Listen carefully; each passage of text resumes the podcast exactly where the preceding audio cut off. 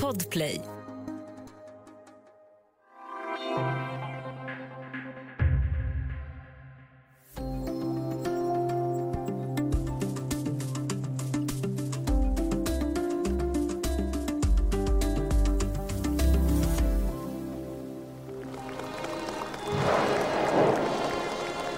Tusentals ryska militärer marscherar på Moskvas gator.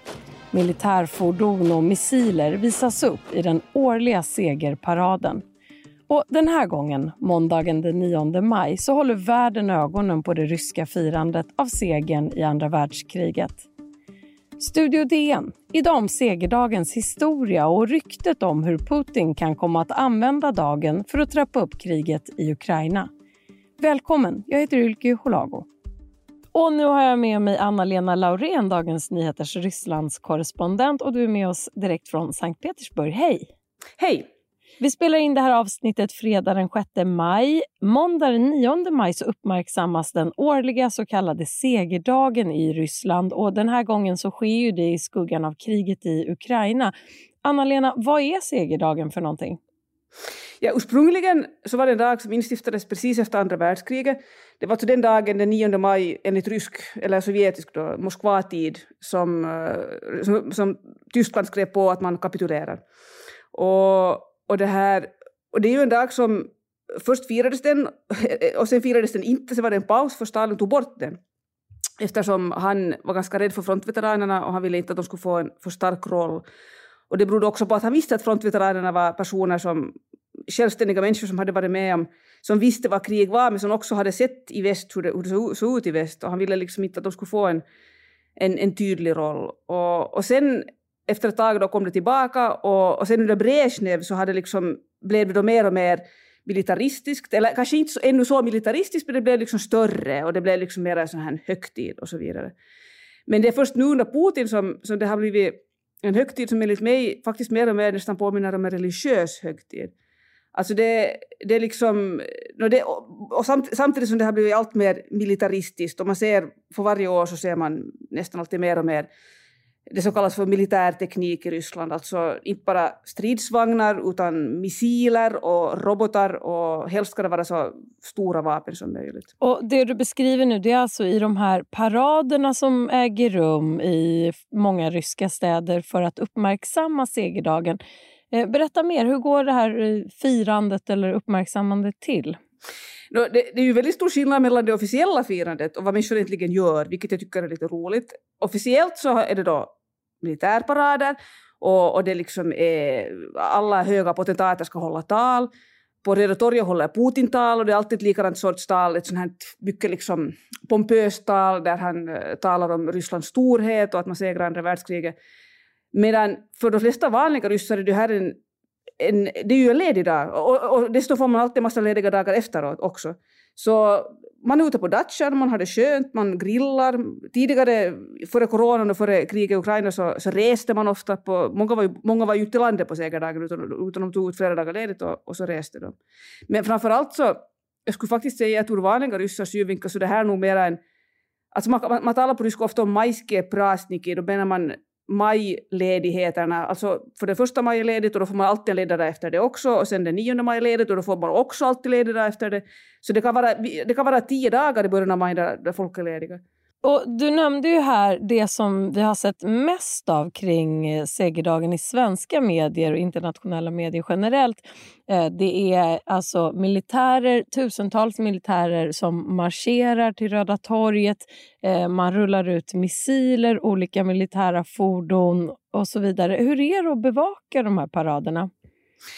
Ja, då när jag kom till Moskva första gången, när jag flyttade till första gången 2006 så då hade det redan nog blivit mycket mer militaristiskt, men, men då tyckte jag då dels var jag själv ny och allt var intressant, men sen fanns det nog, för, för något så tyckte jag då ändå att det kändes ändå som en ganska rolig högtid, därför att eh, folk, som sagt, människor var ute på dachen och grillade och folk var lediga och folk var glada. Och det var liksom en ganska... Det, fann, det fanns det här patoset och det fanns den militarismen också naturligtvis. Men, men då var också hela situationen annorlunda. Då hade vi inte haft kriget i Georgien och så därefter kriget i Ukraina alltså som började 2014 redan i praktiken. Men nu på senare år så hade ju, så började jag liksom, det är inte så hemskt att bevaka den här dagen börjar kännas allt besvärligare för att det är faktiskt inte, det är viktigt tycker jag, som tycker alla normala korrespondenter, med en nyanserad bevakning, man ska förklara bakgrund och så här. Och det är klart att bakgrunden till att segern i andra världskriget är viktig för Ryssland, det tycker jag är självklart och det ska man kunna förklara. Men, men nu när det har blivit en sån här väldigt ensidig, det är, liksom, det är bara någon slags eh, känsloutbrott väldigt militaristiskt och också det har blivit hotfullt och de kan ropa att morsen paftarit, vi kan upprepa det här. Och det här, alltså den här utropet då att vi kan upprepa det, så det ser ju aldrig krigsveteranerna. De som själva var med, de, de, de är ju inte längre med nästan, de är ju döda nästan allihopa. Och de, det är ytterst få som är kvar. Utan de som ropar det här, vi kan upprepa det här, så är ju helt andra människor som inte hade någonting med det här att göra faktiskt. Och också för mig som finländare, alltså min morfar var med i kriget, och och i Finland är det ju absolut inte normalt att till exempel att jag skulle ta på mig hans uniform eller någon man skulle ta på mig hans gamla uniform. Man gör det inte. Det var ju hans krig, det var hans... Det, liksom, det, det, det anses vara, skulle tyckas väldigt opassande. Men, men, här är det ju nu, alltså man klär ut barn i uniformer och man, klär ut, man köper en massa sådana här pilotnicki kallas det, det är sådana här pilotmössor som man sätter på barn och sånt här. Och, man gör det till, till en slags maskerad. Och, och så här är det ju inte varit från början, utan det här är något som har kommit mer och mer under Putin-regimen. Och för mig känns det nog faktiskt allt mer och mer problematiskt. Och Det finns ju förstås olika känslor inför det här eh, bland ryssar också. Eh, vilka känslor och åsikter hör du om du gör några exempel från åsiktsspannet? Ja, vi, vi hade faktiskt varit en debatt nu mellan mina ryska vänner om den här segerdagen. För jag har en väninna som inte, alltså hon, hon, hon lämnar stan. Hon sa att hon, hon, kan inte se på det här nu. Speciellt inte nu när, när Ryssland krigar i Ukraina. Hon står inte ut med det, så hon vill inte se det hon lämnar stan. Och sen finns det andra som tycker att men vi borde ju ändå, det här handlar ju om att, att hedra, liksom, hedra våra veteraner och hedra de som dog. Så det, jag skulle säga att det är ganska olika känslor, men, men det intressanta, det viktiga här är ju kanske egentligen det att, att från första början så de flesta ryssar har som sagt egentligen framförallt sett den här dagen som en trevlig, skön, ledig dag i det vackra majvädret. Att, att, att liksom de här upphausade, liksom uppblåsta, uh, patetiska nationalistiska känslorna, så det, det, är något, det är något som har kommit mycket mer uppifrån. Och, men det som jag ju märker är förstås att det här påverkar ju människor också. Alltså människor påverkas ju alltid av det som kommer uppifrån och man har börjat tycka många att så här ska det vara. Liksom. Medan andra är väldigt kritiska. Jag skulle säga att människor är ganska delade faktiskt. Mm. Och Som vi har nämnt här så äger ju då firandet rum i skuggan av Rysslands anfallskrig mot Ukraina. Och Det har ju varit mycket spekulation kring hur Putin kan tänkas använda dagen det här året för att trappa upp läget i konflikten. En av uppgifterna handlar om att Putin kan komma att kalla kriget för ett krig och inte bara en specialoperation i sitt tal där på Röda torget. Då. Vad vet vi om hur, segerta, eh, hur segerdagen kan komma att användas som plattform för upptrappning eller propaganda?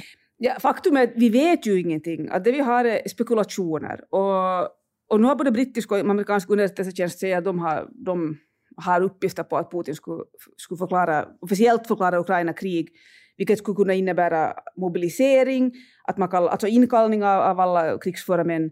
Och det skulle ju faktiskt Fast det som pågår i Ukraina idag är ju absolut ett krig, det är ju verkligen ingen specialoperation som, som Kreml låter förstå. Men för ryssar här skulle det betyda en helt annan sak om det blir ett riktigt krig. Alltså om det, om det, om det också får titeln krig, för det skulle innebära att, att, att män kallas in och så här. Och jag, vet, jag vet ju nog väldigt många som inte kommer att vilja, vilja åka dit. Så, och det är också det som gör att även om det här uppgifterna inte går att, det går ju inte att avfärda för att faktum är att, att, USA och Storbritannien hade ju rätt när det gäller själva kriget. Alltså de sa ju från början att det blir ett krig för att de hade uppgifter på det och det stämde. Så det, jag kan inte säga att de, de har fel i det här, men det känns för mig lite främmande. Just därför att segerdagen är faktiskt inte en sån dag i Ryssland där man, eh, där man liksom vill komma med, med dåliga nyheter. Utan det, det, är nog, det är en dag där man liksom vill vara, minnas och, och liksom tänka på sina förfäder. Men och, som, och så är det en glad dag när man vill vara ledig och ha det skönt. Så jag har lite svårt att tro det. Men, men det är ju, i dagens situation kan faktiskt vad som helst hända. Mm. Samtidigt har ju Putins presstalesperson Dmitrij Peskov dementerat ryktet om en krigsförklaring eller något åt det hållet. Vad betyder det att han säger så? Ja, det kan faktiskt, tyvärr måste man säga att det betyder ingenting. För att, att för att han, han säger ofta att, äh, han, det här, han kallar det för nonsens, äh, äh, det här talet, de här ryktena. Han har kallat mycket annat för nonsens som visar sig stämma helt och hållet. Han tycker om att använda ordet hysteri. All kritik mot Ryssland är enligt honom hysteri. Och det är inte bara han som säger det utan det är också Kreml som älskar det här ordet. Fast de som är ju mest emotionella och tycker jag skriker mest när det gäller allt möjligt är ju faktiskt nog Kreml själv. Så det, tyvärr, det som Peskov säger, så det, det, man kan liksom inte i dagens situation och med alla de lögner han har sagt tidigare så kan vi kan inte liksom fästa någon som helst vikt vid vad han säger. Att det, det, kan betyda vad som helst. Det kan stämma men det kan vara en lögn.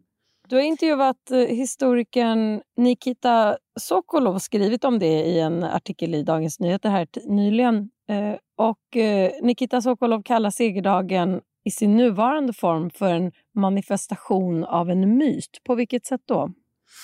No, myten är... Alltså om jag nu ska... Myten är att, att, liksom, att Ryssland blev... Alltså att Sovjetunionen blev anfallet? Av ett monster, det vill säga Hitler, och försvara sig.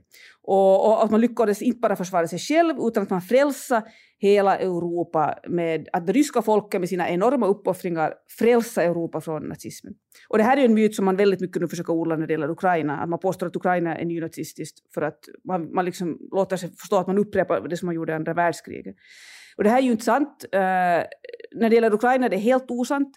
När det gäller andra världskriget så Eh, är det viktigt att komma ihåg att det stämmer att Hitler anföll Sovjetunionen, men innan dess hade Stalin och Hitler genomgått Molotov-Ribbentrop-pakten, alltså en icke-aggressionspakt, där man delade upp Europa mellan sig. Så Ryssland, Sovjetunionen hade de facto slutit ett avtal med Hitler, så det var ju inte, det var ju inte så att man på något sätt har, liksom har, har rent samvete där. Sen stämmer det absolut att uppoffringarna som sovjetiska folket gjorde var gigantiska och det dog ju flest människor här under andra världskriget. Och, och det är någonting som jag alltid har själv ansett att det ska man ha respekt för och komma ihåg. Men, men, men den här myten, det som, som gör liksom att den här dagen har blivit problematisk är att, att och därifrån har den fått också den här lite religiösa betoningen att vi har frälsat Europa. Och i Ryssland låter det som att man gjorde det ensam, men faktum är att man gjorde det med hjälp av de övriga allierade länderna. Och, och, och den här och, och när man tillräckligt många gånger har upprepat att vi har frälsat, vi har räddat, världen står tacksamhetsskuld mot oss, så då, då blir det sån här, det blir självspelande piano och en sån här stark känsla av självrättfärdigande, att vi har varit mycket goda medan världen är, är rysligt otacksam. Och det här har pågått hela tiden eh, under Putin-regimen och nu i och med att Ryssland startar krig i Ukraina så kommer man ju ännu mer att spela på det här man kommer att fortsätta de här lögnerna att Ukraina är nazistiskt och vi räddar Ukraina och Europa från nazismen. Och det är ju en grov lögn. Vi ska börja avrunda. Världen håller ögonen på vad som händer i Ryssland under segerdagen. Vad kommer du att titta och lyssna efter särskilt under det här firandet måndag den 9 maj? Ja, jag kommer nog att väldigt särskilt lyssna till vad Putin säger.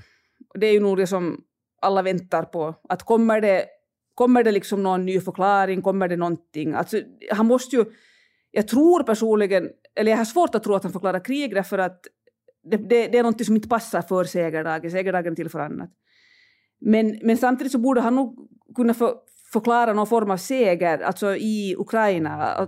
Det finns också spekulationer om att han kanske säger att, att nu kommer Ryssland att inkorporera Luhansk, Luhansk och Donetsk, att de ska bli en del av Ryssland. Han kanske gör något sånt. Men det är nog mest hans tal som jag faktiskt väntar mest på.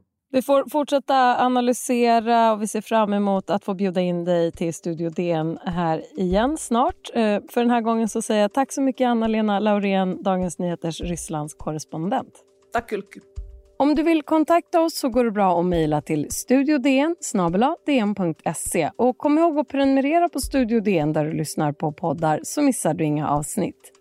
Studio DN görs för Podplay av producent Sabina Marmulakai. Ljudtekniker Patrik Miesenberger, teknik Jonas Lindskov på Bauer Media och jag heter Ylke Holago.